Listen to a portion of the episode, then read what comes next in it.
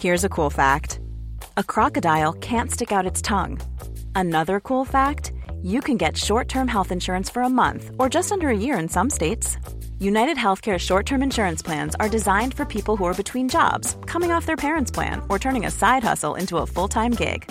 Underwritten by Golden Rule Insurance Company, they offer flexible, budget friendly coverage with access to a nationwide network of doctors and hospitals. Get more cool facts about United Healthcare short term plans at uh1.com. This is Paige, the co-host of Giggly Squad, and I want to tell you about a company that I've been loving, Olive and June. Olive and June gives you everything that you need for a salon quality manicure in one box. And if you break it down, it really comes out to $2 a manicure, which is absolutely insane. It's also so easy to get salon worthy nails at home with Olive and June. The difference between how your nails used to look when you did them yourself and now with the Manny system is a complete game changer. The best thing about Olive and June too is it's a quick dry, dries in about one minute, lasts for five days, and full coverage in up to one to two coats. Visit oliveandjune.com slash perfect Mani 20 for 20% off your first system. That's oliveandjune.com slash perfect Mani 20 for 20% off your first system.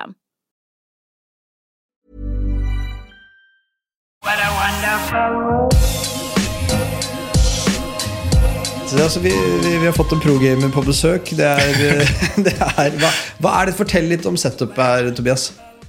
Nei, det er vel bare um, et fint lite headset som uh, Ja, som har blitt brukt til, til gaming på spesielt vinterhalvåret. Um, ja. Er, gjør alle, er det, er det dagens toppidrettsutøvere? Er det på en måte Jeg vet ikke hva dreiv du med, Øystein, når du holdt på? Nei, altså Det var jo sånn, jeg, det var det første jeg ser her. Jøss, jeg tenkte det var en syklist. liksom. Nei, jeg kjenner den typen der, liksom. De uh, hører på Walkman og sykler litt rundt. Og, uh, og så bare kommer inn. altså Han ser ut som en blanding mellom Viktor Hovland og en sånn gamer. ikke sant? Jeg er bare sånn, Jøsse navn. Så dette, jeg kjenner meg ikke igjen i det hele tatt. Jeg, det jeg lurer på, er jo da du, er jo, du, er jo, beviselig en verdensklassesyklist, uh, men hvor i hierarkiet finner du deg på, på gamingverden? Er du liksom Er du bedre gamer enn syklist, eller er du Jeg liker å si at det er uh, i gamingverdenen er for, for, det sosiale og hyggen. Så får jeg ta ja. det komperative på, på syklinga, tenker jeg. Ja, verdensdominansen den tar du på sykkelsetet istedenfor? Ja, heller det. Ja, det, er ja. Men det indikerer jo det, er jo det er jo muligheter for å være sosial i feltet, i hvert fall. I sykkel. sykkel. Ja, det, er jo, det, er jo, kun uh, Walt van Ert som er uh, usosial i det gamet der om dagen. Så det er jo på en måte, resten er jo veldig sosiale, ser jeg. Ja, det er veldig sant. Nei, men, men, Tobias, det er en uh, glede å ha deg på. Tobias Foss. Uh, til de som ikke kjenner deg, så må du bare flerre opp uh, øya først som sist.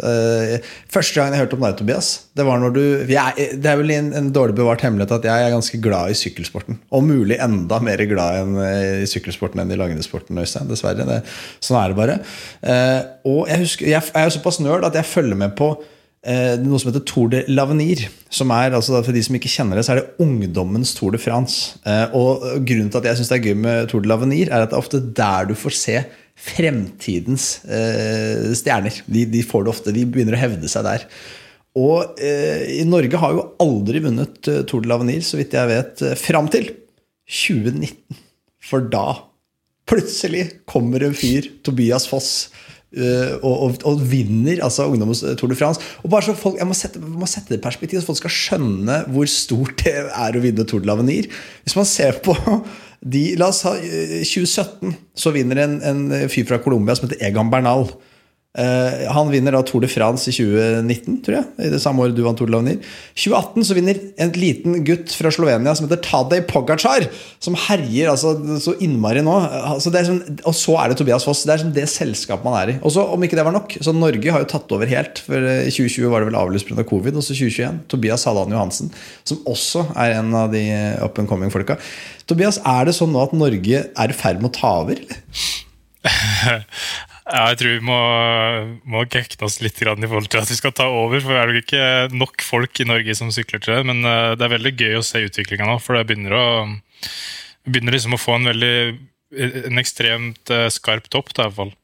Um, og ja, begynner å få sånn 10-15 ryttere som holder rimelig høyt uh, internasjonalt nivå. Så det begynner å ta over i den grad. Men uh, at, at det blir en stat som Belgia og Nederland, det, det tviler jeg på. men hva, hva, skyldes det? Er det kultur? Ja, eh, det, det er jo selvfølgelig veldig vanskelig for meg å si akkurat hva det er, men jeg føler at man ser på, på hvordan det blir, blir jobba i eh, ja, med rekrutteringa i, i, klubber og videre inn på NTG eller forskjellige toppidrettsgymnas og, og videre ut i klubb eller eh, lag derfra, eh, så, så, er det veldig, veldig bra. Samtidig som at jeg føler at vi er sinnssykt oppdatert på trening i Norge, og spesielt på sykkelsida. Uh, det gjøres veldig mye studier, spesielt på HIL, eller HIN, eller hva det heter nå. Men uh, så ja, ser jeg på hvordan de unge nå i klubben og på NTG og sånn trener, så, så er det veldig veldig oppdatert og veldig moderne form for trening. Og jeg tror, eh, jeg tror det er noe av ja, grunnen til at man ser så store utslag. Da. Er, er det da er det da forskningsprosjekt som dere uh, måtte utvikle selv, eller er det inspirert av andre som har fått til noe? Ja, det er vel han, det er vel han Bent Rønnestad da, i utgangspunktet på, på Hill der som er, som er skikkelig på. Og, så, har han masse ideer og får innspill her og der og, og diverse, og så, og så, testes det ut. Og alt handler egentlig bare om å finne hva, en form for mest mulig effektiv trening. Og, ja, og hva som gir beste resultater. Så ja, det, jeg, jeg, føler virkelig at det er en av de grunnene til at man ser uh, ja, Man trener liksom så sinnssykt strukturert og med sinnssykt bra kvalitet fra ung alder. og da, da, gir det utslag. Men har noe av dette her kommet via Team Sky når Edvald var der? At det på en måte det, det begynte liksom der? At den, den kunnskapen som Team Sky satt på, ble implementert litt i Edvald, og så uh, ble det da forska videre på på Hill med, med, Bent og med Joar Hansen, og så har dere på en måte tatt det videre derfra? Ja, uh, det kan fort hende òg, men uh, jeg føler også etter at wattmåleren kom, kom, inn i verden, så har det blitt veldig mye sånn spesifikt og veldig mye mer konkret å se hva vi faktisk gjør, og det er veldig mye lettere å, å måle effekten av det du gjør. da. Uh, og, etter, etter wattmåleren kom, så, uh, så, har det kommet masse forskning, og ja, treningsmåten har blitt mye mer strukturert og ganske annerledes. da. Ja, og da, da, er jo da Nå sitter det noen uh, hobbysyklister og tenker nå stopper jeg, og så tar jeg fram mobilen og så noterer jeg svaret på neste spørsmål. For det er sånn, ok, nå, skal du få, nå får du liksom to minutter til å bare destillere ned liksom, hva, hva, er det dere gjør sånn, sånn, Hva er det de tingene som bare Før var det sånn ja, sykle litt. Eh, noen ganger fort, noen ganger hardt, noen ganger langt, noen ganger kort. Eh, men liksom, hvis vi skal tre, tre ting eller fem ting, liksom, hva er det viktigste tingen dere gjør nå som gjør at dere sykler så fort? Ja øh det jeg føler med, med, måten vi trener spesielt på, spesielt på laget, er at eh, som jeg sa, det er veldig sånn science-drevet. Uh, så uh, vi trener noe som kalles polarisert trening. At, og det er da ofte at, Eller det er at man enten trener hardt, eller at man mm. trener rolig. Så man luker ut den derre mellom uh, mellomsona, kan du si. Så det, det vil da typ være sone tre Eh, fire, eller ja, fra sone tre til A4. Um, ettersom man ser at det kan gi andre konsekvenser eller utfall enn det man ønsker. Um, Så du trener ikke tre og fire? Veldig, veldig lite. For eksempel uh, før jul uh, Nå vet jeg ikke hvor mye jeg har lov å si her, men, uh, jo, jo, nei, men vi, vi, prøver også. For det vi, er, vi er tette som en gjeng siler, vi. ja. Så for eksempel veldig sånn standard eh, norske skolen er jo at man, eh, man har gjerne så lite ferie som mulig i oktober. Mm. Eh, gjerne sånn ja, en uke eller to, men da sykler man kanskje litt på fjellet terreng. Og så begynner man rett på igjen med noe som vi kaller for sweet spot, eller da lav terskel. Eh, og ja, kjører veldig mye lange drag og dit og datt. Eh, så kommer jeg til jumbo, og jeg kjører ikke terskelintervall før januar. Så fra november til januar, midten av januar, så, så er det ingen, ingen terskel. Og bare enten det vi kaller Vihatomax eller rolig Easy Endurance. da.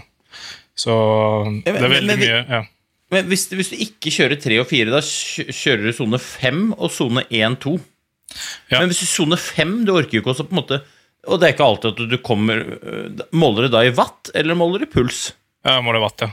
Og det, det, det som er fint med vatt, at det er veldig effektivt. Sånn som puls, da kan du jo hva skal jeg si, Hvis du skal være fem minutter i sone fem da, så kan det i teorien da egentlig vært kanskje syv, åtte, ni minutter egentlig da i sone fem.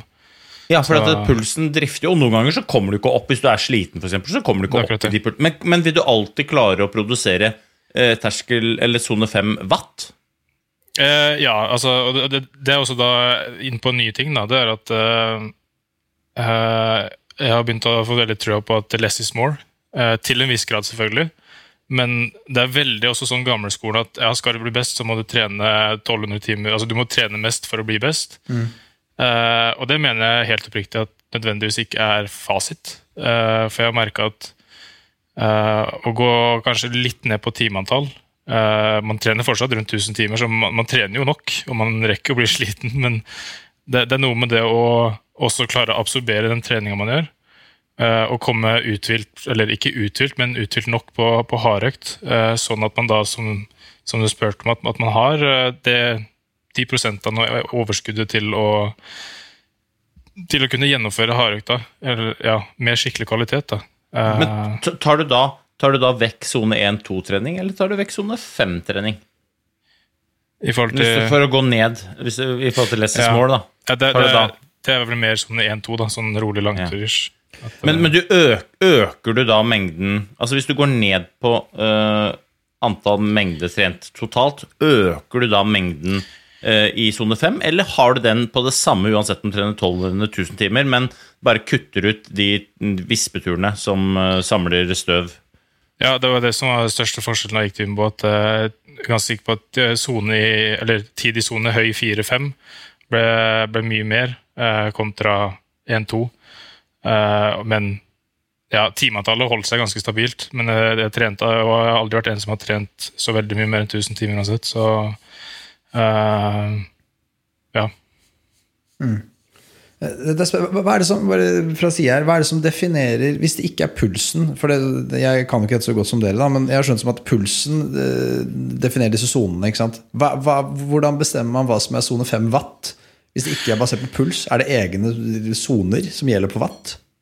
Ja, så Det der er også veldig masse forskjellig filosofi rundt det. Og, og lag gjør forskjellig, forskjellige trenere gjør forskjellig. Men, uh, men vi har en uh, sånn testprotokoll som, som vi gjennomfører uh, i hvert fall i desember-januar på samling. Og så hender det at for de som bor i Nederland, tar en test midt på sommeren nå, for å se hvordan man ligger an. Eh, og da, da vil du få masse data ut av de, og de blir satt inn i forskjellige algoritmer. Og så, eh, og så da får man ut av sonene sine.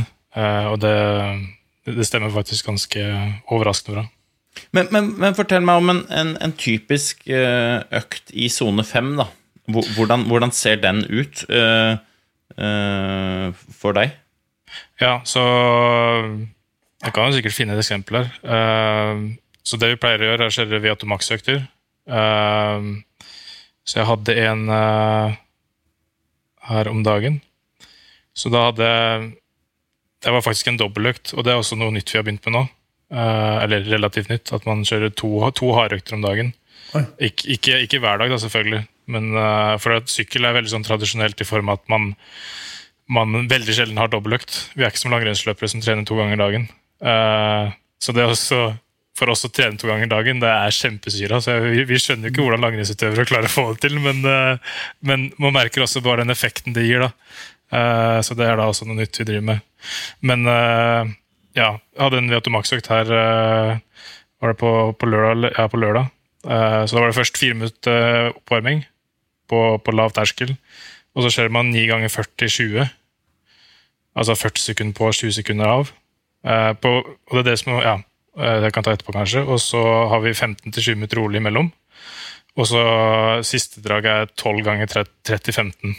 Eh, med 30 sekunder på og 15 sekunder av. Og det er da en sånn standard type V8 Max-økt. Eh, og forskjellen vi kjørte også type sånn 40-20 og 30-15 av den biten der også var en, ja, på kontinentallaget i Norge, men forskjellen er at det blir kjørt i mye høyere intensitet. Eh, så i Norge ville du kanskje kjørt tre ganger ti eller fire ganger ti minutt med 45-15 eller whatever. Men her er det mye hva skal jeg si, Dragtida blir kortere, men intensiteten blir mye, mye høyere. da. For du kjørte én gang en, eh, Ni ganger 40-20 én gang, Ja. og, og så 12 ganger 30-15 én gang. Ja. That's it. Så du får ja, for da da totalt tenker jeg i utgangspunktet liksom, Det hørtes jo veldig lite ut, men, men det er klart at det, blir jo 15-16-17 minutter, kanskje, noe sånt nå. Ja, det blir eh, to ganger ni minutter eh, totaltid, og så blir det Ja. to ganger eh, seks minutter med effektiv dragtid. Mm. Så Og grunnen til å kjøre 40-20 er for å få eh, lurt vatten høyere enn du klarer i ni minutter sammenhengene, fordi at du får 20 sekunder med, Hvor mye slipper du ned da? Terskelwatt? Nei, da er det, da er det helt rolig. Visping? Helt, Helt Ja. Ja. eller Jeg vet ikke om dere ja, har et forhold til watt, men mellom 200 og 300 watt. da. Så sånn rolig langturtempo. ish. Ja, ok. Men, men, men um, det høres jo nesten sånn Men det er ikke anarop, del? Altså, det er ikke sånn, Du kjører ikke så hardt at du er stiv etter fem? Nei, nei, det er det ikke. Så vi kjører også anarob kapasitet og arob kapasitet, uh, men da er det mer type spurter eller uh, 40, fem- uh, 40, 50 eller 30 sekunder med sånn halvhardt. Så, og det, det, det merker jeg jo at det er veldig sånn science-basert all trening vi gjør. Eh, og det gir sinnssykt bra effekt, men fallgruven er at det er veldig fort gjort at man eh, mister den menneskelige touchen med treninga, og forståelsen for at trening er så personlig og individuelt at eh, man kan bli veldig sånn robotstyrt. da. Spesielt om man har wattmåler nå. Vi hadde jo på Gjert eh, Ingebrigtsen, og han sa jo at det, på en måte, Dette var jo mer kanskje for den gjengse mannen i gata, men han, jeg, jeg oppfattet det som at han mente det gjaldt for gutta sine òg. Han mente at folk misforsto intervallgrepet med at folk trente for hardt på de intervallene. Så, de trente så hardt at de ikke én klarte å restituere seg, to hadde lyst til å gjennomføre neste økt, som ofte da var på kvelden. Mm. Men, men åssen, åssen resonnerer det i det, det du sier? Kjører du liksom Hvor hardt føler du at det dere gjennomfører, er? Eh, det er veldig periodebasert, og det er også kanskje kanskje største forskjellen på å komme ut i worldtouren eller på profflag, var at eh, ja, i Norge så er det ikke så stor forskjell på om det er november eller januar eller februar. Eller i hvert fall da jeg trente som jeg gjorde på, tilbake i de dagene. Eh, men så kom jeg til Jumbo, og man ja, som jeg sa, jeg kjørte ikke terskelintervall før januar, og det var bare helt easy økter. Fikk ikke lov å holde eller være over 260 watt for mye. Eh, og ja, det var bare base, eh, base training da, hele november-desember. Så det var en helt annen approach da, til, til treninga og sesongen. Eh, så som jeg sa, i november-desember så holder vi sinnssykt rolig. Eller ja, ikke sinnssykt rolig, men rolig mm. og langt for å få basen, og ikke for å komme i form for tidlig. Nå mister jeg lyden litt her. Nå ble det muta. Ja. Dette var hemmelig. Nå gikk, eh, nå gikk ja. sjefene inn her. Ja, sånn, Nå er det noen eh, Vi kan jo bruke det han venter. Det kan vi bare bruke, jeg kom på, det burde vi sikkert ha sagt, da, men, men uh, Tobias er jo i, i Jumbo Visma. Altså, han gikk jo, vi fullførte jo ikke historien. Vi stoppa jo Tour de l'Avenir. Eh, Men eh, han har jo da gått til Team Jumbo Visma, som er verdens desidert beste sykkellag. Med folk som Primoz Roglic. Eh, Du har Wout van Aert, som kanskje er de råeste råskinna om dagen. Eh, Du har eh, Jonas Wingegård, dansken. Ble nummer to i Tour de France i fjor. Christophe Laporte, Josh Bennett. Det er masse råskinn.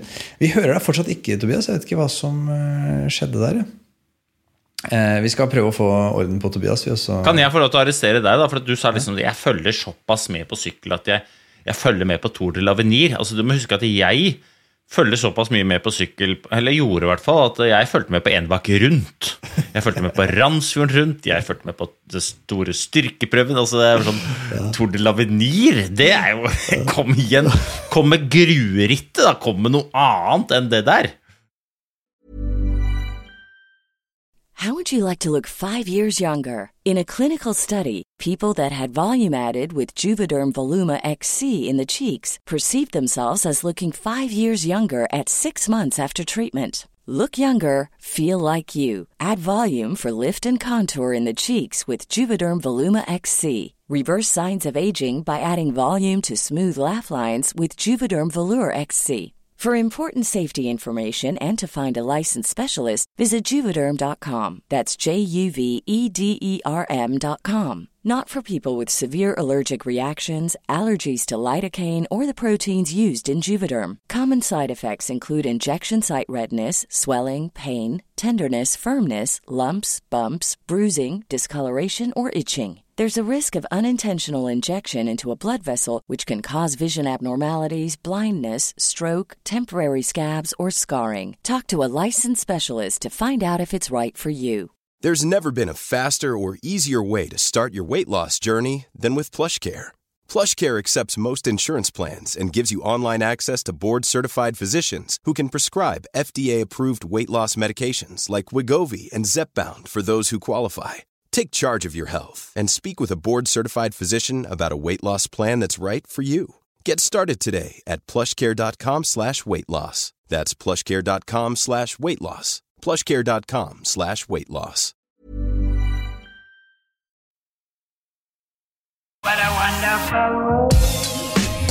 Ikke hvor vi var, jeg.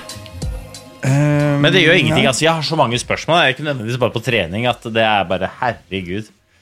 Ja, nei, men vi, vi er tilbake der. Jeg, jeg, vet ikke hvor vi skal Jeg tenker at vi må det er jo, vi, du, Når vi har snakka i sted, så har jo du så øh, mye spørsmål om hvordan det er å være med i en Grand Tour. Vi kan nevne det. Og Tobias, hvilken plass var det du fikk i fjor i Giro d'Italia? Du var topp ti i Giro d'Italia. Som også er sånn Det er helt sinnssykt at en nordmann bare sladder inn, og plutselig så er vi liksom topp ti i en Grand Tour. Ja, det ble vel ni til slutt eller noe. Så Ja, det, var, eh, det var en kul opplevelse, det. Det var det absolutt. Og det var jo sånn jeg, sånn jeg fikk deg i topp i frontalminnet igjen. Var at jeg var jo en liten sånn snartur nede og, og kurtiserte madammen på Amalfi-kysten. Og så av en eller annen snodig grunn så hadde vi da vi hadde liksom, ja, Long story short, så endte vi opp på et hotell liksom litt sånn rart midt inne i Italia. Som en ordentlig sånn shabby område. Og så kommer vi inn der, og vi kommer ganske seint på kvelden. Og så ser jeg at der står det jo altså så mange av disse lagbussene. Og det går opp for meg, eh, som er ganske glad i sykkelsporten, at nå er faen meg Giro-sirkuset er på dette hotellet som vi er på. Så jeg, jeg ble jo ble som en liten unge på julaften, og madammen var ganske trøtt og lei og var ikke spesielt modus. Og idet vi står og sjekker inn, så bare spaserer det en spinkel fyr forbi som viser seg å være Vincenzo Nibali. Så jeg får jo helt wow, har lyst til å så, ja, så vi klar, Men jeg klarte ikke å tenke raskt nok, så jeg sto og sjekka inn samtidig som han kom. Og, så klarte jeg ikke liksom å få Jeg burde selvfølgelig lagt armen rundt han. Og Han så jo ganske porøs ut, da, jeg, men jeg burde jo lagt armen rundt han og fått tatt et bilde. Men det fikk jeg ikke. Men da fyrte jeg av gårde en melding til deg og sa at nå er jeg faen meg på hotellet ditt, Tobias. eh, Og Eh, Så, ja. så, og da hadde jeg deg jo i fronten av eh, skalaen. Så det var jo derfor vi, en av grunnene til at du er invitert her i dag. Men eh, det var mye, mye meg og lite deg. vi, må, vi, må snakke om, vi må snakke om hvordan det er med være med en Grand Tour. For det tror jeg, det tror folk, det tror jeg folk lurer litt på. da Det er sjukeste historie jeg har hørt. Lytteren må gå tilbake og høre den en gang til. For det, er ikke, det ga ingen mening. Det er, også, det er den dummeste historien jeg har hørt i hele mitt liv. Det er nydelig. Jo, det er liksom sånn Du har akkurat gått Birken med, eh, med Jon Arne Riise, som eh, er norsk, og så bare står og snakker om et eller annet sånn slags eh, lita, liten syklist. Det er det er jo en av tidenes syklister. Forstå meg rett, Altså, men han er jo ikke norsk. Nei, det norsk, er så kom Tobias, og så hadde jeg tenkt at det er jo noe annet. Men liksom Ja, ja. Nibali det er liksom, Ja, så møtte jeg Silvio Fauner. Liksom, nei, kom igjen, da. Drit i Silvio Fauner. Overgangen fra Vincenzo Nibali til Tobias jeg, Den var ikke så smooth, den gikk litt Nei. brått. Men det var for det gikk opp for meg at Ja. nå er tiden Det er brukt for mye tid på Vincenzo Nibali-delen av historien. Så må jeg bare sk- sk- raskest mulig inn i Tobias igjen. Hvis det er lov å si. Ok, Tobias, vi må, vi må snakke om Vi må snakke om hvordan det er å, hvordan det er å sykle en Grand Tour. Nå er det jo Tour de France da, på TV. Jeg tror de fleste har forhold til det. Det er tre uker med slit, med ganske få hviledager. Eh, Og jeg vet at her har du mye spørsmål, Øystein. Eh, Ja, ja. Ja, du kan, La oss starte. Begynn, du. Ja, la oss starte med en etappe, for disse etappene varer jo liksom i, i, i kan, Jeg vet ikke hvor lenge Fem-seks timer dere sitter på sykkelen der. Ja, jeg vil tippe at uh, snittet i en tour er ja, mellom fire, fire og en halv og fem timer. Da. Og så har du noen dager som er lengre, og noen som da er kortere. Men uh, ja, rundt fire og en halv, fem. Ja. Og- Men og er det ikke ofte sånn at de korteste etappene er de hardeste? Sånn som den der etappen her om dagen hvor Eddie The Boss eh, var tilbake igjen i brudd. 3.40-ish. Det så jo rimelig seigt ut uh, siste 500 der for Eddie. Uh, er det ikke sånn at det, liksom, når det er kort, da, så blir det enda mer intensivt enn Ja, så det blir jo slitsomt på en helt annen måte. Det er helt riktig å si at det, de har de er anlegg for å bli veldig mye mer eksplosive typer løp. Og, og, mer sånn at det går full gass fra start til mål, kontra en lang etappe. så nå var det en lang etappe i går òg, f.eks. eh, så, som sjette etappen, og så klinka jo Wow til. Eh, eller folk klinka til og gjorde det hardt. da så in the end så ble det jo en kortere, men, men uh, veldig intensiv etappe likevel. Så det, altså det blir jo så hardt som vi gjør det til, men normalt sett så blir de lengste dagene litt sånn at det går hardt i starten, og så får du en litt mer rolig periode, og så er det hardt igjen mot finalen. Da. Er det litt den nye eh, utviklingen man ser i sykkelsporten med disse nye gutta, eh, van de Poel, van Ert og Pogacar, er ikke den nye trenden at ting De forholder seg ikke til de satte reglene som eksisterte i gamle dager. Når det var sånn, nei, lange etapper, det skal være rolig. Og så finner Pogacar og hva faen er de på at nei, ikke faen, det skal ikke være noe rolig. Jeg driter i reglene deres. Valverde, shut up! Vi skal sykle på, vi. Er ikke det litt den nye trenden? Jo, Dere har ikke noe respekt, de unge gutta, liksom? Nei, det er nok sant, men jeg tror også at det, at det bare er et resultat at de er sinnssykt sterke. rett og slett At de har, de har mulighet til å bare gjøre det de vil. Mm. Uh, og mens andre kanskje ja, lovpriser en litt roligere dag, så, så er de klare for, eh, for ny fight og, og, gira på kjøret. Men uh, det er veldig gøy, gøy kjøremåte de har, og da de først er så gode, at de virkelig har guts og, og tør å gå for det. Jeg tenkte på det i stad når vi snakka om trening. Eh, og Jeg sa jo at du, du er på Team Jumbo Visma, verdens beste sykkellag, med bl.a. Wout van Ert. Eh, hvor mye hvor mye innsyn har du i hans treningshverdag? Hvor mye, hvor mye liksom dialog er det mellom rytterne på laget der? Eh, vet du hva han gjør? Og, og, hva, hva, gjør han egentlig? Gjør han annerledes enn deg, eller er det det samme opplegget? Uh, ja, altså vi har jo selvfølgelig personlige tilpasninger, og vi har ikke samme trener, men, men filosofien til trenerne Vi har vel tre eller fire trenere på laget, uh, og filosofien der er de samme. Og de møter to ganger ukentlig med å liksom oppdatere hverandre og sånne ting. så det, det, er, det, er, veldig samkjørt, og han, han, trener nok veldig likt som meg, men samtidig så skal han bli en annen type eller han er en annen type rytter enn det jeg er, og det jeg ønsker å være. Så det, det er også litt annen til, tilnærming til trening i, i den måten òg. Mm. Hvor han trener veldig spesifikt for det han skal bli god på, og jeg veldig spesifikt for det jeg skal bli god på. Ja, det unike med de gutta, spesielt med van de Poel og, og van Ert, det er vel det at de, de, de skal liksom være best De holder ikke for å være best på landeveien, de skal også være best i cyclocross, og, og helst også mountainbike. Eh, og er det noe Altså en ting, jeg, en, ting jeg, har tenkt, da, det er at liksom, hvis jeg var eh, ung syklist i dag, så ville jeg sett på liksom Hvorfor pokker driver man ikke med cyclocross? Det ser ut som at Hvis du ser på de talentene som har kommet fra cyclocross, da, så virker det som at det virker som at det er en ganske god et eller annet man får i cyclocross, om det er måten altså intensiteten i, i, løp og treningsform der, eller om det er bare den der bike-handling skillsa du får. Da. Noe i hvert fall viser seg å være ekstremt øh, overførbart til landeveissykling. Ja, jeg tror det er en, eh, en, veldig bra treningsform. Og hadde ikke vært for at vi har såpass lang sesong og, eh, og at jeg ikke bor i Belgia eller Nederland, så, så hadde jeg hatt veldig lyst til å få prøvd en full sesong på cyclocross sjøl. Er det ikke litt um, Det er jo et sidespor mot det egentlig temaet, men er det, ikke, er, det ikke, er det ikke, litt så hvis man ser på en cyclecross altså, der er, er, ikke det litt sånn som den treninga du beskrev at du holdt på med? Altså sånn 40-20-type måte? For det er jo så mm. Landeveissykling i seg selv er jo veldig monotont, og så er det på en måte sånn Det er ikke mye 40-20-preg over landeveiskonkurransene. Eh, men treninga i cyclecross er jo veldig likt det på en måte Eller konkurransesituasjonen der er jo ganske lik den der treninga du sier, hvor det er rykk og napp. og du, du, du, blir jo jævlig eksplosiv, og du blir utholdende, og du, blir, du trener opp eh, evnen til å eh, produsere watt, roe ned, svinge rundt tjo og hei, du blir god på handling. Så på måte, det er jo veldig sånn, det er en veldig sånn intervallprega konkurranseform. Mm, eh, så, som, hvis, man måte, ser, hvis det er det som er interessen av oss å trene sånn som dere gjør, da, så, så, er det jo ganske naturlig at cyclecross er ganske optimalt for landeveissykling. Eller for utholdenhetskapasiteten. Det er vel ikke det som er på en måte hovedgevinsten, vil jeg tro. Ja, og det, det, vil jeg tro er grunnen til at man ser, eller at spesielt de som er skikkelig inne i form av trenere og, og forskere at, at de ser det at, eh, at, det er grunnen til at det gir så stort utslag på de som driver med cyclecross òg. Uh, Og så er det jo det er en veldig morsom form å trene på. da, så du, du kjører jo full gass i 45 minutter til en time, uh, men det er noe helt annet om du skulle gjort det eller sittet på rulla og kjørt en time med drag. Det, det er vesentlig forskjell.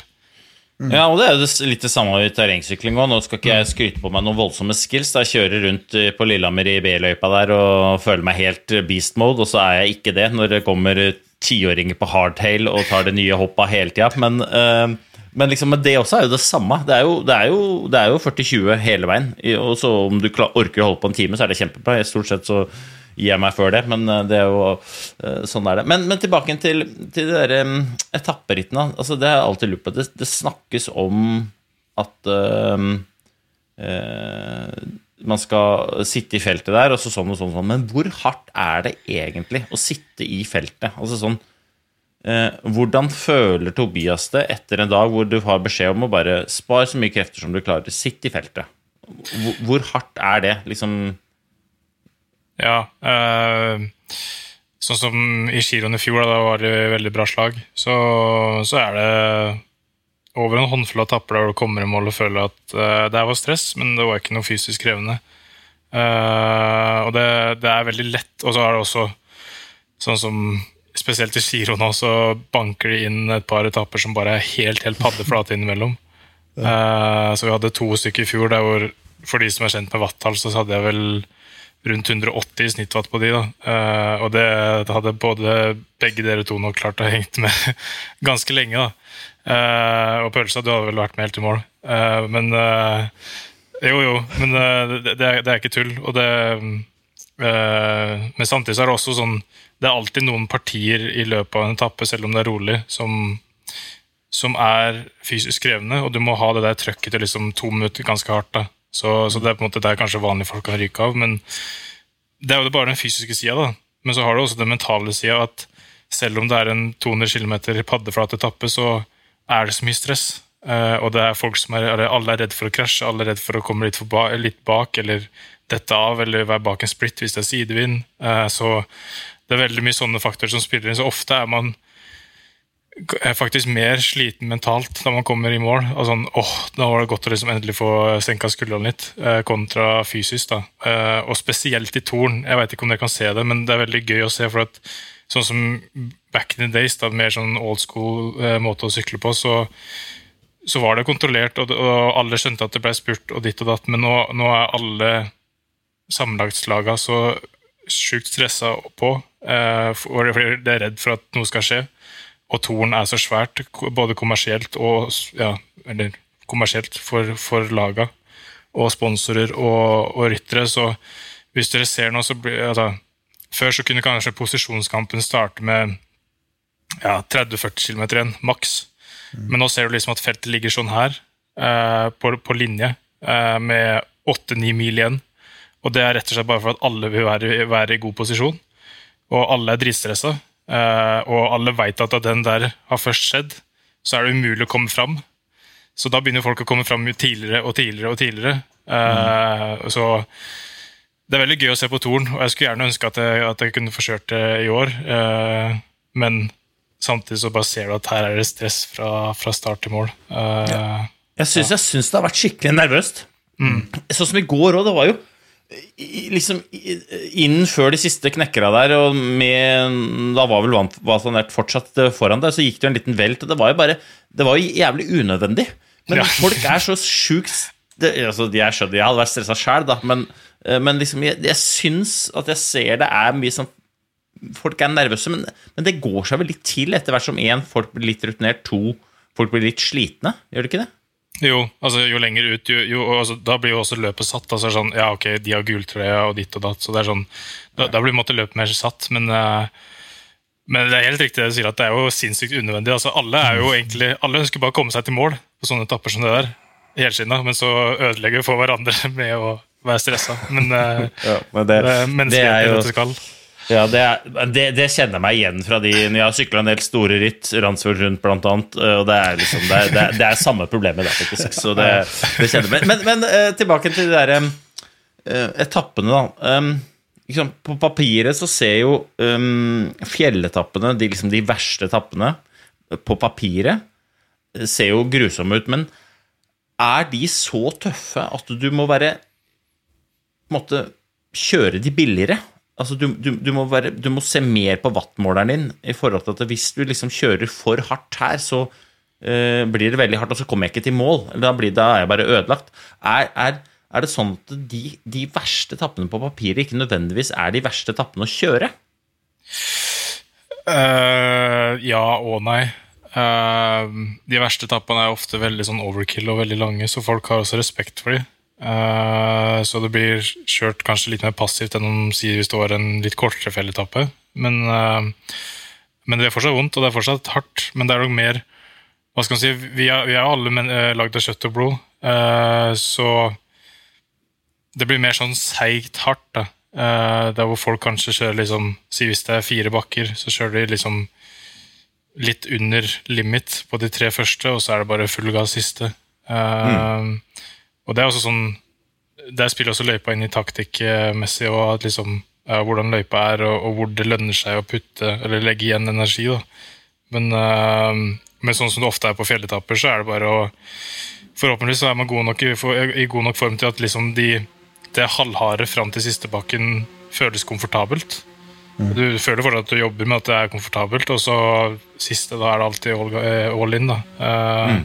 Men er man ikke i god form, så er det jo veldig sånn som du sier, at da, da er det veldig lett å brenne seg, og, og detter du av på førstebakken, så kan det fort ryke på tidslimit. Så det, det merka jeg nå i kiroen da jeg var litt uh, Da kroppen ikke var helt på lag, at uh, ja, Heldigvis så er jeg jo en habil klatrer fra, fra før av, men hvis det ikke har vært det, så tror jeg det danger litt bakpå. Ja. Mm. Ok, Og så er det et annet ting som er liksom, Dere kjører jo uh, En ting er jo at det er lange etapper én og én, men du skal jo sette dette sammen. Uh, og så sitter dere og spiser, og dere får lange poser. Uh, og jeg har jo litt forhold til Til sånn ernæring. Hvor hvor på en måte kontrollert er det til at Tobias får i seg det Tobias trenger, og hvor mye er det opp til Tobias sjæl? Og hva er det du dytter i gapet i løpet av en sånn Er det, er det gel? Er det barer? Er det brødskiver? Er det brioche? Er det, hva er det du spiser? Eh, og hvor, hvor nøye er det på å få i deg det du skal ha, og hvor mye er det du har lyst til å ligge på? Ja, så in the end så, så er alt, eh, alt, opp til oss selv. Eh, og det, det er jo vårt eget ansvar å få i oss mat. Det blir sagt vi har kjører med intercom, radio med kommunikasjon til, til, biler bak og også ryttere innad, så vi får alltid på øret en reminder om det har gått en halvtime. For uh, det er ofte at det er så mye kaos innimellom at, uh, at en halvtime kan gå ganske fort, og så glemmer man å spise og drikke, og det er jo ganske farlig. Uh, men sånn som det er også på en måte moderne form for sykkel, er at, at det har blitt mer og mer vanlig å få i seg masse karbo i timen. da. Før var det nok mer old school med vann på flaska og ja, kanskje litt mat her og der. Men, men og hva er, er masse karbo i timen, da? Ja, så, så, nå er det veldig kontrollert. Så vi på en helt standard etappe så skjærer vi 90 gram i timen. Så det er da å si enten tre gels eller én eh, flaske sportsdrikk og to gels, eller altså tre enheter da, i timen. Eh, også på de veldig intensive så er vi oppe i 120 gram karbo i timen. Så det er da fire enheter. Så da ja, men det her, er, det her er altså så viktig. Ja, for det, husker Vi snakka om det her tidligere, Hanso, med, med mm. Birken. Jeg mener at det er folk mm. 98% av de som går Birken, de går tomme. Yeah. De, de, de, går tomme. De, for det første så stel, Dagene før så har de da lært seg old school. De skal spise seg opp. så da, De spiser seg ikke opp, de spiser seg ut av form. Så steller de seg på start på Tingstadjordet med ryggen full av pasta. Eh, og ingen har vunnet noen etapper i Giro d'Italia eller Tour de France med rumpa full av pasta. Det skal jeg love deg. Og så to, så går de, så kommer de til drikkestasjonene. De holder på no, Si at det går tre timer, da. Birken på tre timer. Så er det noen av de som har med seg én gel og tror de er kjempeflinke. Den skal de ta helt på slutten. Så liksom du, du får, Når du kommer ned på Håkonshall og dusjer, så virker den. Ikke sant? Men og så I drikkestasjonene så har de ikke tid til å drikke, så de tar litt sånn skvett. Altså de går, de går Birken på 12 gram karbohydrater og ei tørr bolle mm. på Skramstadsetra eller på Kvarstadammen. og så sitter Tobias her og sier at det på rolige etapper så kjører jeg 90, og på, på lange etapper så kjører jeg 100, eller på harde så er det 120. 120 gram karbo.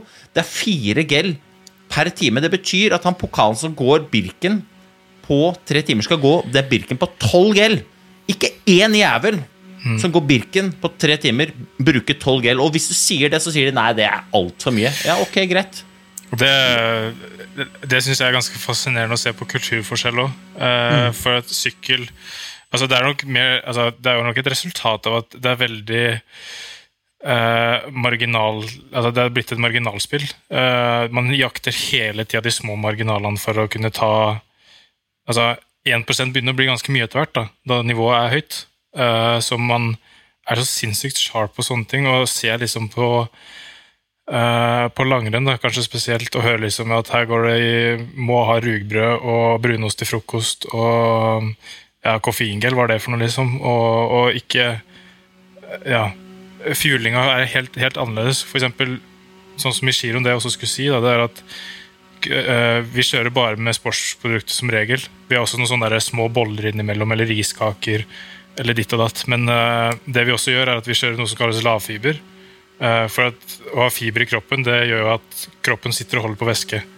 Eh, så derfor jeg syns det er litt sånn teit egentlig at på si hvis du er langrennsløper, så får man inn, føler jeg, eh, fra man er ung at det er, liksom, det, er, det er rugbrød som er tingen. Men det rugbrødet er 50% fordøya da du står på start. eh, og energien er ikke spilt ut 100% og det ligger ting som holder på væske. Så da jeg er på lavfiber, så kan jeg gå ned en kilo over natta bare pga. væske. Og hvem tar ikke den ekstra kiloen i en idrett som, som krever at du er så lett som mulig? Eh, Men, men, men vil ikke Sukker også binder jo væske, da. Så jeg, jeg drev og spekulerte litt på det at jeg på en måte, hvis jeg kunne gå Vi må jo bære med oss drikka litt på samme måte som dere gjør. eh, eh, men noen steder så var det litt sånn problem med langing. Og da, da prøvde jeg å bøffe opp mer med sukker og karbohydrater dagen før. eh, slik at jeg hadde litt ekstra væske i kroppen, som da når jeg Teorien min, jeg vet ikke om det her stemmer i praksis, men brukte den glukosen, så friga jeg væske som jeg kunne bruke til å holde meg hydrert. Og så på en måte følte jeg i hvert fall at jeg trengte mindre væske, da, så lenge jeg fikk i meg nok karbo. Ja, for at karboloadinga binder jo bin- binder vann. Uh, så det er også det, kanskje det du sa med at sånn Birken-utøvere som virkelig karboloader og gjør det kanskje for drøyt. da. For det, det er bare snakk om å ta litt mindre kjøttstykke og så litt mer karbo istedenfor at du liksom skal bare spise ja, pasta, hvis du skjønner.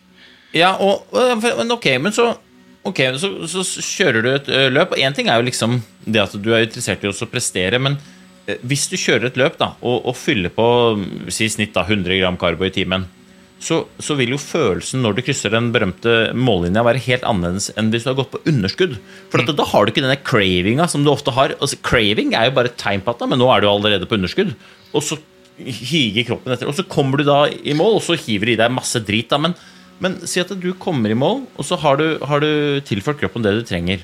Og så er det et par eh, intervjuer, og så er det inn i den berømte bussen. Hva spiser du når du kommer inn der? Er det, er det Da er du rett på, liksom på eh, shake eh, og Så- karbohydrater og noe, eller hva, hva, hva dytter du i gapet da? Så restitusjonen starter egentlig før det her. da. Så med en gang vi kommer over mål, så får vi cherry juice, altså kirsebærjuice, egentlig. For det, det er veldig effektivt mot rehydrering. Eh, så Hvorfor kommer det? Det er forska på et eller annet med den, eh, den cherry-jusen. Eller kirsebærjusen, som, som samme som at ananasjus er veldig gunstig i forhold til å bli rehydrert. Eh, Så ja. Det tar vi rett etter mål. Er det, den nye, er det den nye rødbetjusen, liksom? Ja, altså rødbetjus vil jo altså, Noen bruker det fortsatt òg, men det er jo litt mer eh, ja, andre Det hensyn. er Valverde. Det er Valverde. det er gamle gutter. Nei, men så, etter vi har gjort det, så drar vi tilbake til bussen, sykler ned, uh, shake. Og så har vi uh, to måltider fordelt, så en, ett måltid tar vi rett etter, uh, etter vi har dusja. Det er ofte eh, ja, ris eller et eller annet. Og så venter vi en time, en time og halvannen, eh, og så tar vi et nytt måltid. Så det er på en måte to hva skal man si, Istedenfor å kjøre ett måltid på 1200 kalorier, så har man delt opp i, i to enkle på 600. For at det skal bli altså, lettere for kroppen å fordøye det og ta det opp. Uh, og så ja, har vi da et eh, måltid til. Ofte massasje, da, altså, da har man ofte kommet fram på hotellet. Uh, massasje og litt avslapning, og så er det middag på kvelden. Og så er det da en ny snack før du går og legger deg. Så det, Ja, så første måltid er i bussen før dere reiser til hotellet? Eller eller er det første hotell og dusje, og så måltid? det er først eh, buss, dusj, måltid. Og så kjører vi om buss, og det kan da Noen ganger så, så sykler vi rett til hotellet, for det, det er nærme, men ofte er det veldig lange transfers da, etter etappen. Så da, da kan det fort være to timer i buss etter mål. da. Ja, og og jeg skjønte de middagene, for det, det var jo middagsstemning da jeg, du, jeg tror du var i middag ja, når vi snakka sammen. Eller sånn, så Ja. Det er jo ganske seint. Det klokka var ni eller så på kvelden. Og det, og det jo Ja, og det, det var det jeg skulle komme litt inn på, på etter her i forhold til det med å sykle en Grand Tour. At eh, det er veldig fysisk krevende, men det er veldig uh, veldig krevende mentalt. Uh, og eller, det, På en måte er det veldig krevende mentalt, men på en annen måte så bare kommer du inn i en rutine som du står opp til ja, ofte ni, eh, frokost ti, start ett, mål klokka fem. Eh, og så blir det seine kvelder, men du kan også heldigvis sove lenge. Eh, men det er bare et sirkus som går og går og går, og går, og du får liksom Hvis man kjenner på det behovet etter at jeg bare trenger en pust i bakken, da, da er du kjørt, for det, det, det går ikke. Du, det blir som en vegg som, som pusher på hele tida, eh, og så må du bare godta, godta at det er sånn, og bare ja, fortsette å gjøre jobben. Eh, så det er kanskje det man merker mest når man først er ferdig. Eh, og min erfaring også Nå hopper jeg kanskje litt inn på et litt annet tema, der, men eh, min erfaring med en Grand Tour er at jeg er ikke sliten fysisk før jeg har kommet hjem og fått hvilt to dager. Da, smell, da smeller det noe inn i gampehaugen, for da, da, da tillater kroppen å ta det med ro. eh, og du kobler av mentalt, og du slipper garden helt ned. Og da, da kommer også fatiguen som kommer fra, fra en Grand Tour. Dette er det samme som folk kjenner på når de jobber mot sommerferie og har vanlig jobb. For du er ikke sliten før du får sommerferie. Og så den klassiske er jo to dager inn i ferien, så blir man syk.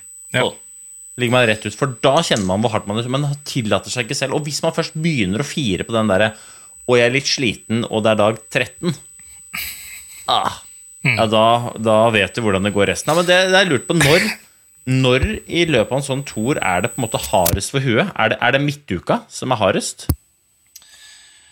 Ja, um...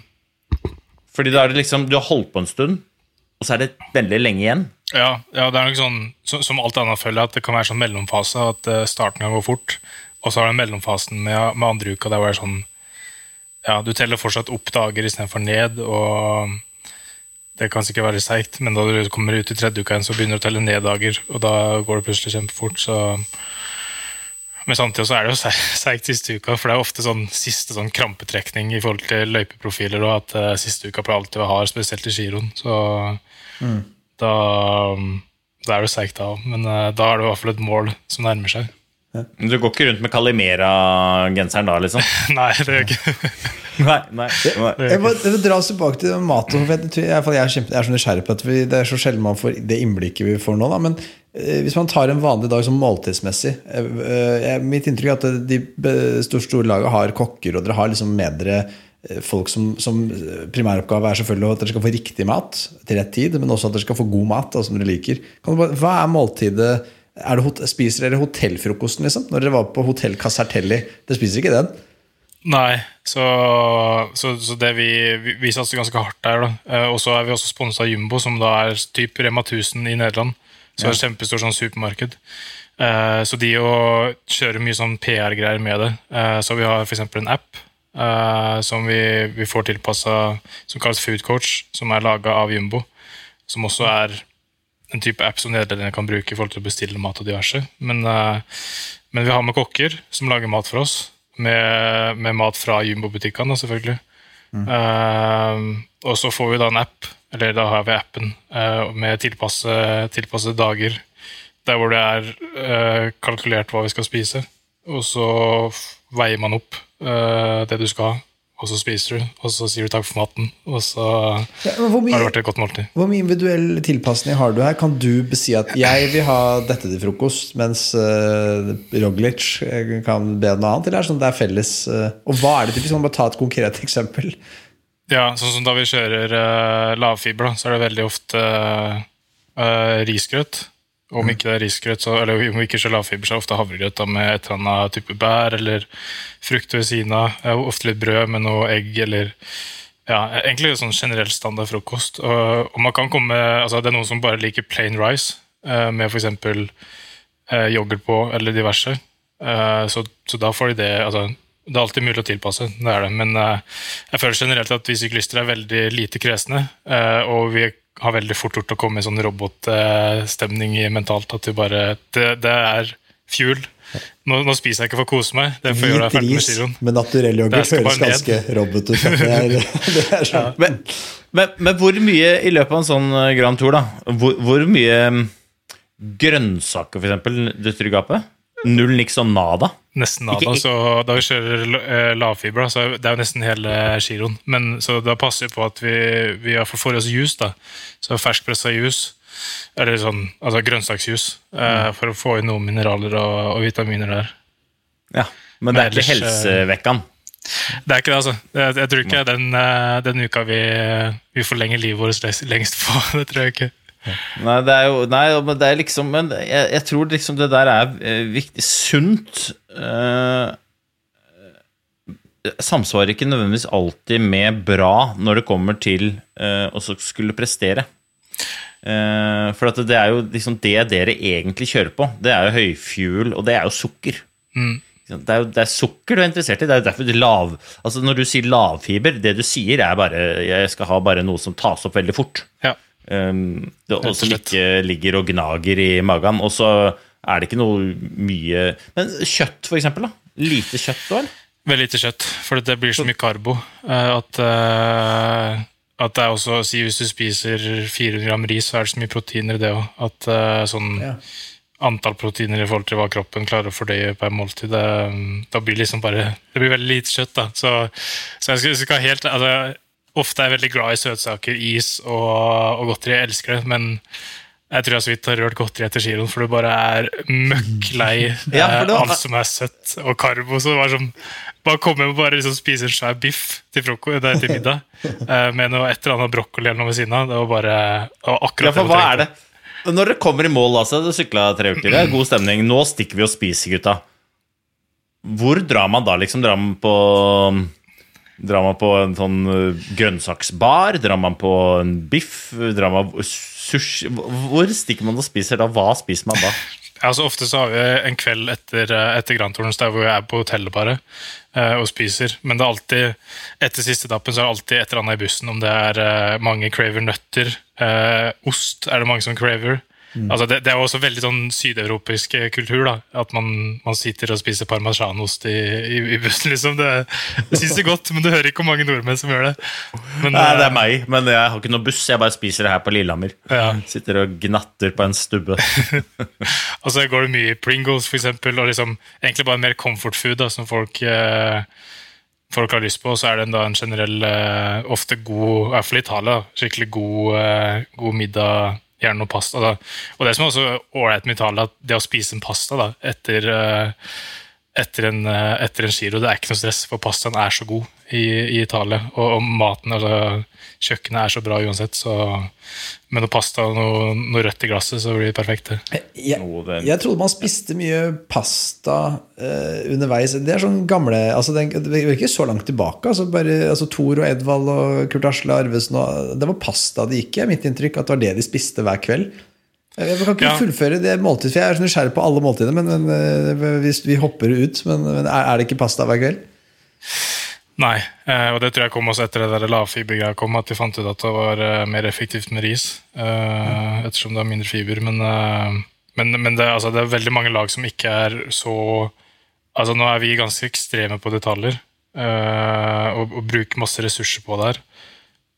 Så det er absolutt ikke sånn at alle lag er som oss. så det er, det er mange lag som fortsatt ja, fôre godt på pasta. Altså, det er det som er så ålreit med toppidrett, at det er så mange veier til rom. At eh, det er ikke noe fasit på hvordan man skal gjøre det. Og du kan prestere bra, du kan bli god uansett, uh, uansett hva, egentlig. Ja. Spør du meg. Men ta, ta, oss gjennom vi har med frokosten, bare kortversjonen, og dra oss gjennom en dag med, med, med, med løp.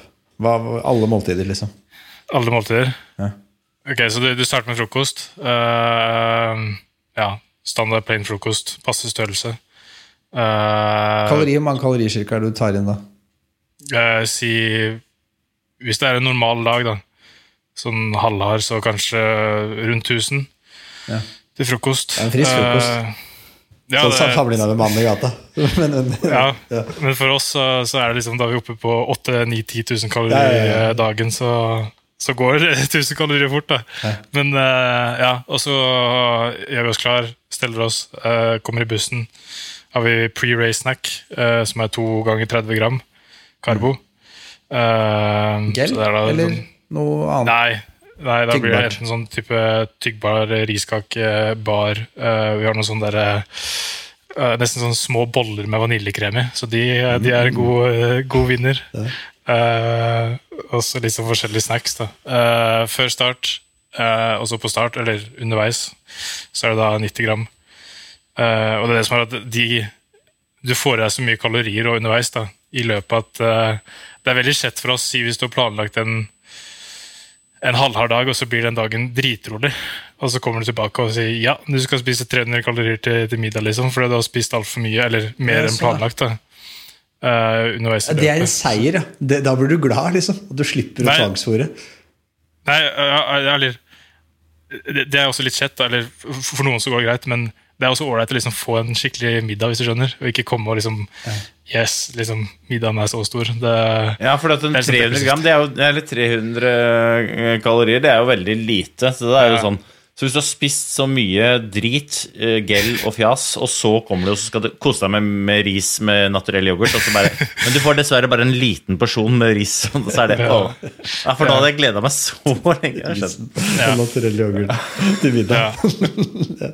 ja, jeg lurer på om jeg faktisk skal diske opp det i dag, faktisk. Det hørtes veldig enkelt ut. Om Unger, i dag er det ris med naturell yoghurt til middag. Hæ, hva er det for noe? Ja, det er krydder. Nei, null. null. Det er bare bland. Litt salt, da. Det er veldig lurt. Okay, Men det er også utfordringa med eh, med en grantor. Da, det er at, eh, at mat er så viktig for oss mennesker at det, det er så viktig å også huske på det, for det kan fort ødelegge mye moral. Da. Som f.eks. du fikk et pizzastykke etter en eller annen etappe, og det bare ser gutta smile fra øre til øre, og bare alle liksom har fått eh, ja, 10% mer energi. da. Men eh, ja, uh, sykleløp, da. Kommer tilbake til løp, og det er shake og, og juice. eh, to måltider. Middag sånn relativt sent, og så har vi da en snack rett før vi går rett i sengen. Da, som Hva er typisk sånn, middag, da? Uh, standard et eller annet kjøttbeta. Om det er uh, veldig sjelden rødt kjøtt, ettersom det også tar litt lengre tid å fordøye. Men enten hvit fisk, uh, noen ganger laks eller kylling.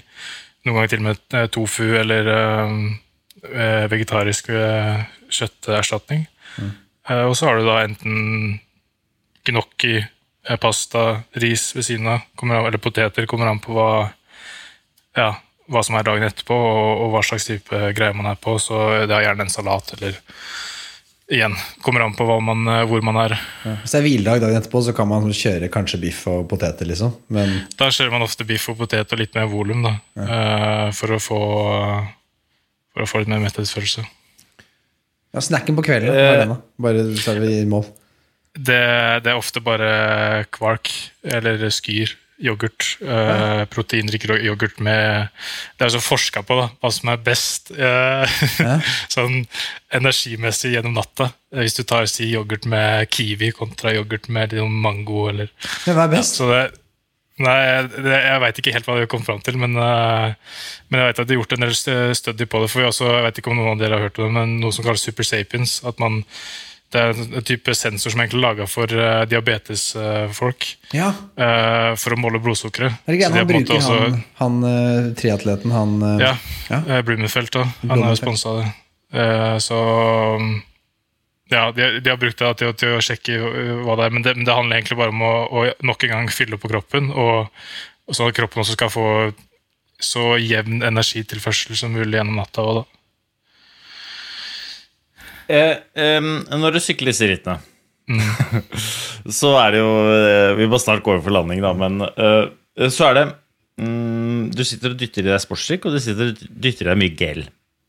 Hvor, hvor mange forskjellige smaker er det du har, og, og er det noen ganger at det liksom går eh, lei de smakene så dere kjøper av noen andre merker enn det dere har, har sponsa av? Kan du shoppe litt, liksom? Og eh, hva er den verste gels, gelsmaken du har fått? Jeg har nemlig en som jeg mener er helt jævlig. Ja, Men ok. du kan få lov til å dele dine erfaringer først, da. Men liksom, Hvor mange smaker har du på gelen? Eller er det bare, Ja. kjører du bare én liksom, Windforce kokos bare? Eller har, du vet ikke hva dere bruker, da.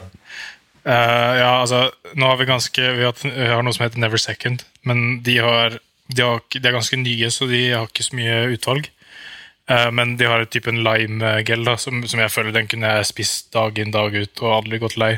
Så det er veldig ålreit. For den er også ganske lett som fordøyelig. Jeg er ikke for sjuk, jeg er ikke for sterk smak. Eh, eh, men ettersom vi ikke har barer, så kjøper vi også inn et annet produkt som heter 6D. eh, sine barer, og de har masse utvalg, så vi er ganske heldige der hvor vi har sinnssykt bra ernæringsprodukter, men det er mange lag som ikke har det, og er sponsa av andre ting, som, som ikke har et bredt utvalg. Og det, det jeg føler at et bra ernæringsprodukt har bredt utvalg, Uh, og er veldig oppdatert av f.eks.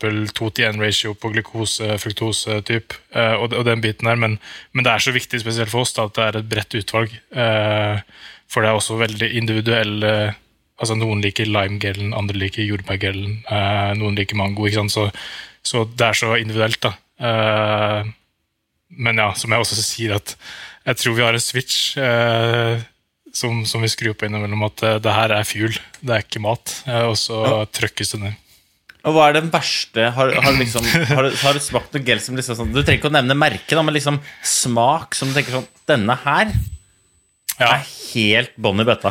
Da jeg starta å sykle, det var sånn 14, eh, første sesongen da jeg sykla aktivt eller sånn konkurrerte, var 14. Eh, så da hadde fatter'n vært på en G-sport back in the days da, og, eh, og handla noe gels for meg, da, for jeg skulle liksom ja, skulle kjøre hardt. da. Uh, og så fikk jeg jordbærgel. Den, den syns jeg smakte skikkelig skikkelig pyton. Uh, og i senere tid, altså nå outer jeg sikkert merket, for det er, jo ikke, det er jo ingen andre som lager den smaken, men det er ølgel. Den var heller ikke, den var heller ikke så god. Jeg, jeg, En gang så gikk jeg i Vasaloppet, og så bare var jeg i smørbilen, tok med meg gel, stakka meg opp, banka av gårde. Og så hadde jeg bare beer Ja. gel. Altså, eh, og jeg hadde gel overalt. ikke sant? Og så bare jeg tok første på Smågan. Det har gått 9 km, det er 81 km igjen. Og bare sånn Da, da, da Det rennet gikk ikke så bra, faktisk. For da orker du ikke, da. Du skal da ta, ta, ta fire beergel i timen Hva slags og Harry Potter-merke er dette? Beergel? ja, det er ganske, ja, men det er ganske anerkjent merke. Ja, det er det. Det er de det har som vel er også, Jeg lurer på om de har en i tomatsmak òg, faktisk. Ja, tomato, den er, en, den er også Men beergel er verre. Ja, okay. Ja. Men uh, ja, Det er veldig gøy at du har prøvd den også, for det er den jeg også tenker. Så det er sånn, jeg tenker det med skrekk og gru tilbake til den turen øh, jeg gikk Vasan med beergel. Jeg syns det er en veldig original idé, det skal det ha. For det blir jo ofte veldig søtt, sånn, sånn kanskje litt sånn bittert uh, type. uh, litt annerledes. Det hadde jo vært uh, egentlig ålreit, men eh, jeg tror det bare blir uh, nok en gang overkomplisert. Det er Det er ingen det, det, er, det vil overraske meg hvis jeg ser Pogacar tar en sånn beer deal på, på vei opp mot fjellet i dag. En siste ting, vi må, vi må gi oss snart for denne. Jeg håper, Tobias, Du er jo på treningsleir. Kanskje vi skulle hatt deg tilbake et par ganger til? Vi har jo fått snakka 0% om Tour de France, da, om hva som foregår. Og, og liksom, det det, det syns jeg er veldig gøy, da, men, men det, jeg syns dette her var superinteressant. Men en siste ting som jeg lurer på, det er Øystein, du har jo nå vært i Trysil, og du har uh, sykla masse. Du er veldig glad i å sykle, men det er veldig sånn leke, altså lekesykling, altså du kaller det. Det er lek. Og jeg lurer på, Tobias, hvor, for Du sa det i stad at det er veldig fort gjort, og det er mitt inntrykk også, på landevei spesielt, at man blir litt sånn en robot. Man bare, nei, Nå skal man bli best å sykle, og man sykler på rulle, og man ligger på terskel, og man holder på. Men så opp, Dette er bare helt sett utenfra. Da. Jeg opplever litt at de nye gutta nå, som den nye generasjonen, om du vil, da, du tilhører jo den samme generasjonen som disse, med Pogacar og eh, van de Poel og van Ert de holder på leken. Og det er så jævlig viktig for dem å holde på leken. At, sånn, de, at liksom de driter i at folk sier at det er dumt å drive og sykle mountainbike. og sykle ja, Men det er viktig for dem da, for å holde motivasjonen oppe. Og at det gjør de til bedre syklister. De holder på leken. Og Hvor bevisst er du det? Og hvordan trener du når du har den Eller hvor mye variert trening gjør du egentlig? Går du ski om vinteren når du er norsk og osv.? Ja, altså Jeg har nok vært litt for Eller hva skal jeg si Uh, vært veldig fokusert i, i lang periode, så var kanskje litt for dårlig på å trene veldig variert. Men uh, ja, nå har jeg flytta til Andorra, som det er også typ vinterland på, på vinteren. Så jeg går masse rando på, på vinteren, uh, og syns det, det, er jo knallbra trening uh, for hjerte og, og, og lunger. så, og samtidig så er oktober, november, desember sånne måneder der hvor ja, blitt veldig glad i å spille golf, spille tennis, løper. Og så har det blitt veldig lite ski, faktisk. Vanlig bortoverski uh, opp gjennom de uh, siste to-tre åra. Men uh, spesielt da hjemme i Norge, da, på, på, juleferie og sånne ting, så blir det ski. Men uh, jeg tror det er absolutt viktig å heller ikke gjøre det større til det det er. og ja, kontinuitet slår alltid ek ekstrem, ekstrem holdning, da, skulle jeg si. Så det, det, er mye bedre å, å trene 90% 100% av tida enn å være 100% sharp, men så har du ja, 20 eh, dager i året med, med, skikkelig dårlig kvalitet eller ingen trening i hele tatt fordi det har vært for ekstrem i andre perioder. Mm. Det er i hvert fall jeg, mm, jeg kan kjenne meg igjen da, i liksom, Jeg tror kanskje det er gjengs for typ løping, eh, langrenn, sikkert skiskyting eh, og landeveissykling og litt sånne ting. At det blir veldig det blir veldig fort veldig mekanisk. veldig fort veldig sånn, Det er dette vi gjør, og det er dette vi holder på med. Og så, um, Jeg var i Trysil, som sagt, og der var det jo en helt annen type sykling. Men det jeg opplevde der, da, var at det var, uh, det var, uh, det var jo trening, men det var veldig mye mer leik i den treninga som ble gjort. Uh, veldig mye mer fokus på å øve. Ikke så mye fokus på å trene. Det var jo det samme, men inngangen var helt annerledes. Og de, de kidsa de holdt på liksom Eh, de kunne holde på 10-11-12 timer om dagen og banka på, og, og, og, de ble jo vanvittig gode. Og de ble mye bedre hver dag. Og grunnen til det var fordi de trente eller øvde sjukt mye. da. Uh, og bare leika. Og jeg, jeg, tenker at det der har nok kanskje de uh, snorsportene da, som uh, tradisjonelle utholdenhetsidretter er, kanskje litt å lære rundt uh, rundt leiken. Også, og kanskje for å bevare rekrutteringa. For jeg, jeg, jeg, tenkte på det. Faen, her. på sikt så er jeg redd for at uh, i hvert fall den store bredden kommer til å falle av de der snorsportene hvis ikke vi får inn mer element av leik. Da. For det er jo mulig å gjøre. Uh, for det var liksom ja, det var en helt annen type kultur da, enn jeg vant til selv fra, fra langrennssporten. Men som jeg tipper er litt i, i, i landeveissyklinga òg, At det på en måte blir litt sånn nå, nå, trener vi, og så kan vi hvile vi etterpå, liksom. Mens der var det mer sånn eh, banker. Men de var sjukt gode! Fy faen. Altså, det var noen kids der. Altså, jeg bare det, det ene gapet var 15 meter. Og han, han ene guttungen, han bare banka over det gapet. Altså, han hoppa 18 meter. Jeg kødder ikke. Det er det verste jeg har sett. Altså. Og så bare cruisa han litt rundt etterpå og leika. Så de var gode. Ja, og det, det føler jeg du sier, jeg føler jeg kan være sånn fallgruva med, med, med ny teknologi og, og, ny forskning, at det kan bli veldig kontrollert. da. Eh, og det er veldig lett å få det veldig kontrollert, og da er det også lett å få det så effektivt som mulig. men å sitte og se på head-uniten på, på sykkelen hele tida og følge konstant med på vann, du dreper jo helt den intuisjonen og lysten og gleden og bare det å kunne egentlig se seg rundt og kommer det en bakke og du har lyst til å bare klinke opp, så ja, så kan du bare gjøre det òg. Det, det, det, det jeg mener at trening er egentlig ikke så avansert da, i bunn og grunn. Og du kan trene så mange forskjellige måter for å fortsatt bli god. Uh, og jeg tror at om man trener og har den gleden så, og, og kjenner på liksom har den intuisjonen. Og det er jeg føler du ser på de gode gutta, at de har den derre De er ikke så mekaniske eller så robotaktige. De er mer uh, har mer behov for å si dra ut bare på en terrengtur. Uh, om det er å sykle terskel oppover og plutselig klinker de ut av svinger, og sånne ting, så gjør ikke det noe. Uh, eller at de, ja, da de er på landeveien, at det plutselig så kommer det en skilt, og så spurter de dit, eller whatever. Men at, at de har det derre Litt det der barnehodet og, og idrettsgleden fortsatt. da at det ikke har blitt for mye jobb. Det er det, det, jeg føler kanskje skiller ut sånn som van de Poel og de gutta som best. Mm. Nei, det var gode, vi må leke. gode avslutningsord. Eh, Tobias, vi håper å få deg på igjen eh, snart, hvis du har tid. Og så gir vi oss for i dag. Gjør vi ikke det, boys? Vi gir oss, så sier vi vel eh, Kalimera, gjør vi ikke det? Du vet jo hva det betyr, du, Hanso. eh, Så det er bare å De som ikke vet det, de får google det. Og så, det kommer vel fra hjertet, det, Tobias? Gjør det ikke det? Jeg vet ikke hva det betyr sjøl, så det, er greit.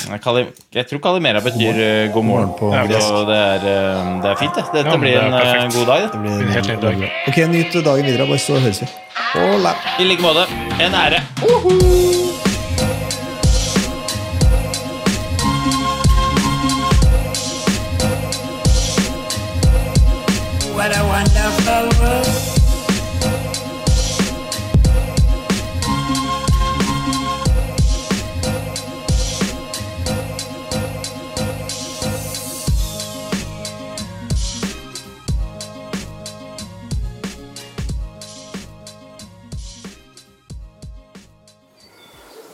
Gode dager.